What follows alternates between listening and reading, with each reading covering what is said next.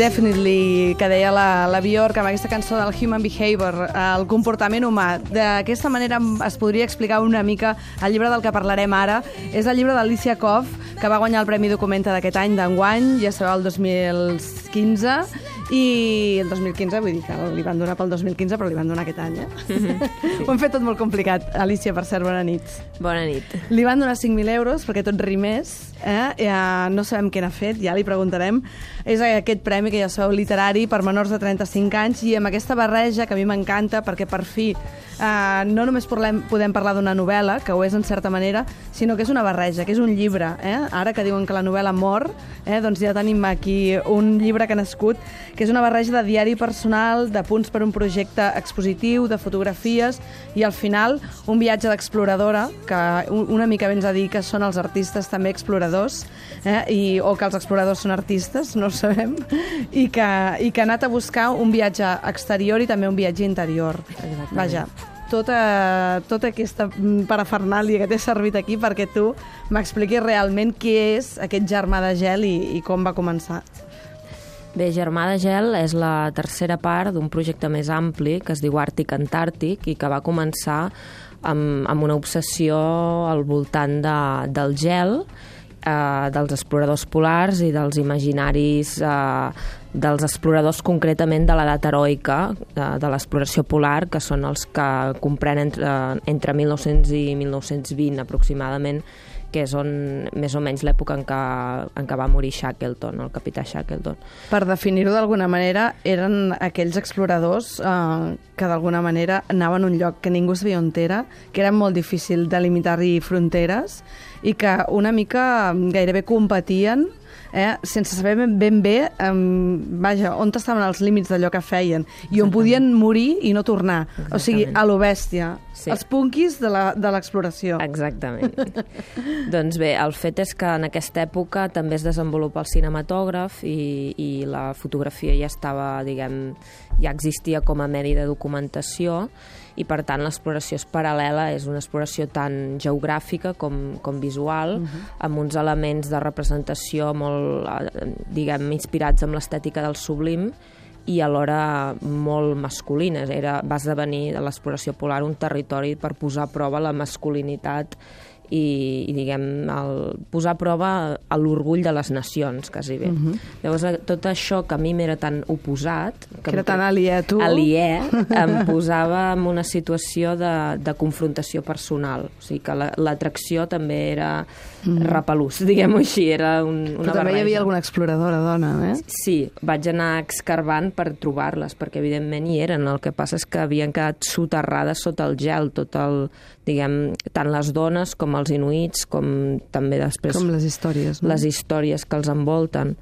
Uh, això diguem, que conforma la primera part de l'exploració i, diguem... I això era la teva tesi doctoral i era amb alguna cosa amb la que vas començar Exacte. a treballar i que va començar a calar-te dins, no? Exacte. Això com, era una base documental. Exactament. Era una base documental que que després eh, he anat desenvolupant i, i apropiant-me cada vegada més d'una manera més interna fins al punt en què el llibre eh, és un, diguem, allà on tot això ho he fet convergir amb la meva història familiar. Uh -huh. Sembla que no tingui res a veure, però... Totes diguem, les famílies tenen una mica de gel, eh? Totes tenen gel. I la teva, tu li has buscat un símil sí. i l'has trobat i és molt sí, maco. Sí, sí.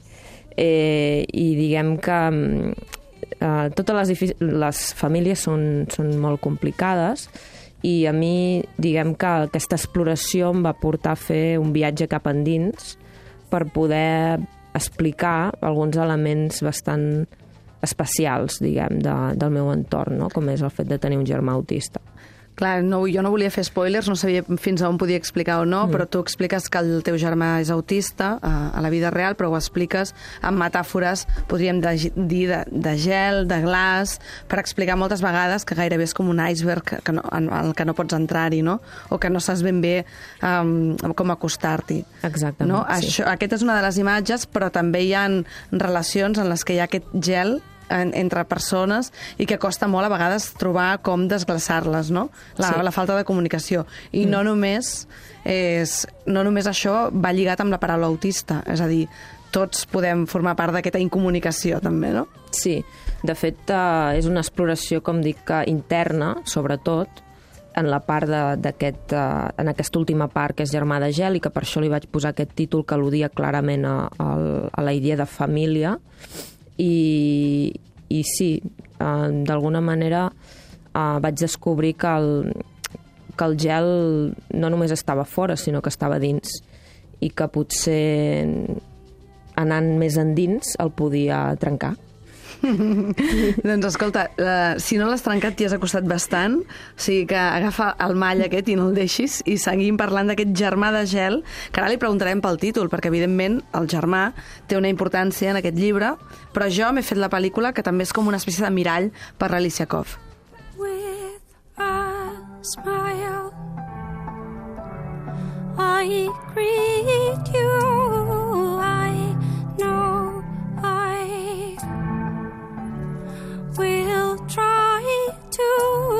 i així anem sentint música també de personatges del gel, eh, com és el Love Olaf Arnalds, aquesta dona islandesa. I explica'ns això de Germà de Gel. Dèiem eh, que ens donava la sensació d'això, d'aquesta imatge de, de mirall, pràcticament, no? Mm. De trobar com algú amb qui no et pots comunicar, però potser sents molt a prop, no sé. Exactament. De fet, crec que el, el personatge menys fred de, de la història és el meu germà, en el fons. I crec que ell um, el que fa és com ser una mena de generador de situacions al seu voltant. És a dir, um, un com a narrador no pot estar ni posar-se al lloc de l'altre i menys d'una un, persona així. El que sí pots fer és descriure des d'una perspectiva molt concreta, que és la de germana, i per això el títol em situa en aquesta posició, eh, totes les relacions i tot el que desencadena, tot el, diguem, radi d'acció que, mm. que s'activa al voltant d'un fet així. I això és el, el tema del llibre, més que el meu germà. El meu germà és un, un personatge que he creat, per això dic que no és uh, la meva autobiografia ni la seva, és una autoficció i allà he agafat diguem, he fet una, un retrat reelaborat de, de, com, de com jo el percebo des de la meva posició, per tant és, una, és un mm-hmm. retrat molt parcial, espero que molt fidel, per això també, o sigui, molt, jo crec molt reflexionat, però que sóc conscient de que té un caràcter de constructe.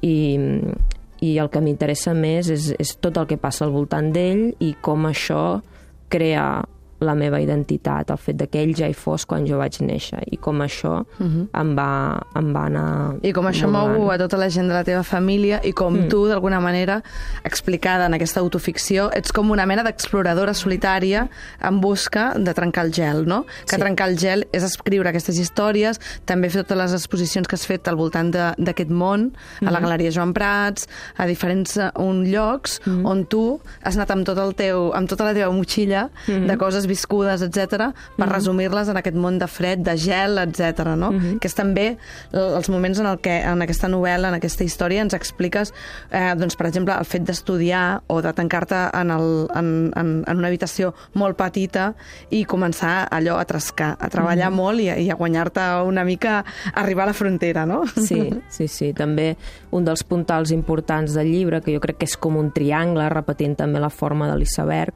si hi ha la, la idea de la fascinació per l'exploració i els imaginaris del sublim, hi ha la idea de la família i l'altre puntal d'aquest triangle és uh, la creació en si, la reflexió contínua sobre la creació, sobre la incertesa de la creació, sobre el caràcter de la creació i sobre el cost de la creació que és molt car, és pel car. que sembla. És car. I a més a més totes les ideologies el fagocitaran d'alguna sí, manera, he de no? dir que és més car per una dona i que és més car uh mhm. -huh. per una dona que ve d'una família treballadora. I ho dic clarament i, i per no crear... Jo crec que hi ha molts... Mm, diguem que al voltant de la creació hi ha molts tòpics i, i que el fet de que crear per una persona que ve d'una família normal, diria classe mitja, però crec que és fals classe mitja per qualsevol família que Ara ja treballi, perdut ja no això. existeix. eh, diguem que per una dona encara és més difícil. Mhm. és més difícil. I hi ha un punt també de resistència, que Sí. és el que tenien aquestes exploradores. Exacte. Constantment hi ha una guerra per, perquè no es trenqui tot al voltant, no? perquè no es desfaci el gel, també, Mhm, sí. i perquè continuï una mica... Ja continuen amb les metàfores, amb la flama del que tu- un té al cap, no? Una mica. Sí, per mi, eh, exactament tal com tu dius, l'exploració és un mirall i, i agafar-me aquests imaginaris èpics, si bé, com dic, vaig ser crítica amb ells, és a dir, em, soc conscient del seu pes, eh, diguem, imperialista, um, tot i així, ma, la idea d'aquesta masculinitat èpica, i concretament la èpica, um, em servia per agafar-me allà amb la idea de resistència. Uh -huh. Després vaig descobrir l'èpica de certes dones, com Louise Boyd i d'altres, uh -huh. I, i era un, també un lloc on un, una referència, no? un anclatge en aquesta exploració una mica incerta. De fet, hi ha una frase que tu has fet servir moltes vegades també en els teus en, el, en, les, en les teves exposicions, que està atribu, atribuïda al senyor Shackleton, eh, que dèiem que eh, en un tros de diari potser ell va posar aquest anunci que es deia es busquen homes per un viatge perillós, sou baix, fred extrem, mesos llargs d'obscuritat total, perill constant, no es pot garantir la tornada en vida, honor i reconeixement en cas d'èxit. Això ja significa una mica el que vindria a ser que tothom podries fer samarretes d'això, quasi. Eh? Perquè també escriure Germà de Gel ha estat una, una proesa, no? En, en el món en el que vivim, eh? Totalment. I en el món en el que viu en aquesta persona que s'assembla una mica a l'Alicia Koff, no? Sí, tant, és, és un alter ego, diguem, molt paral·lel a mi.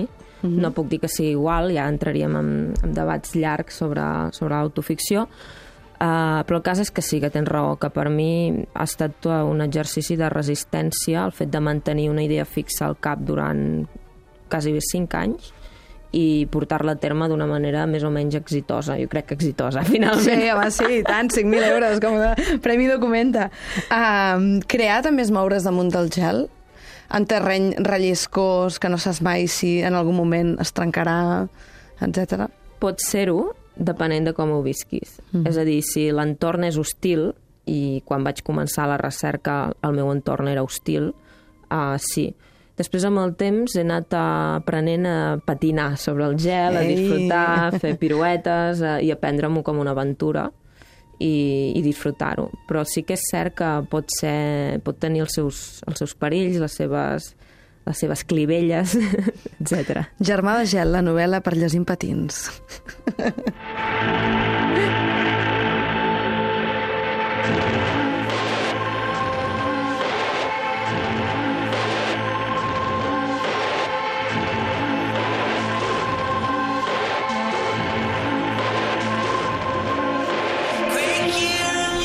Aquesta dona que l'Alicia Koff, que a més a més, eh, vaja, no m'atreviria a dir que té eh, síndrome de Diògenes, però sí que una mica, amb tot aquest temps i amb tota aquesta recerca que has fet, les exposicions, etc, és un llibre també amb, amb moltes fotografies a les que no estem acostumats moltes vegades a les novel·les, no? fotografies, dibuixos propis, fins i tot.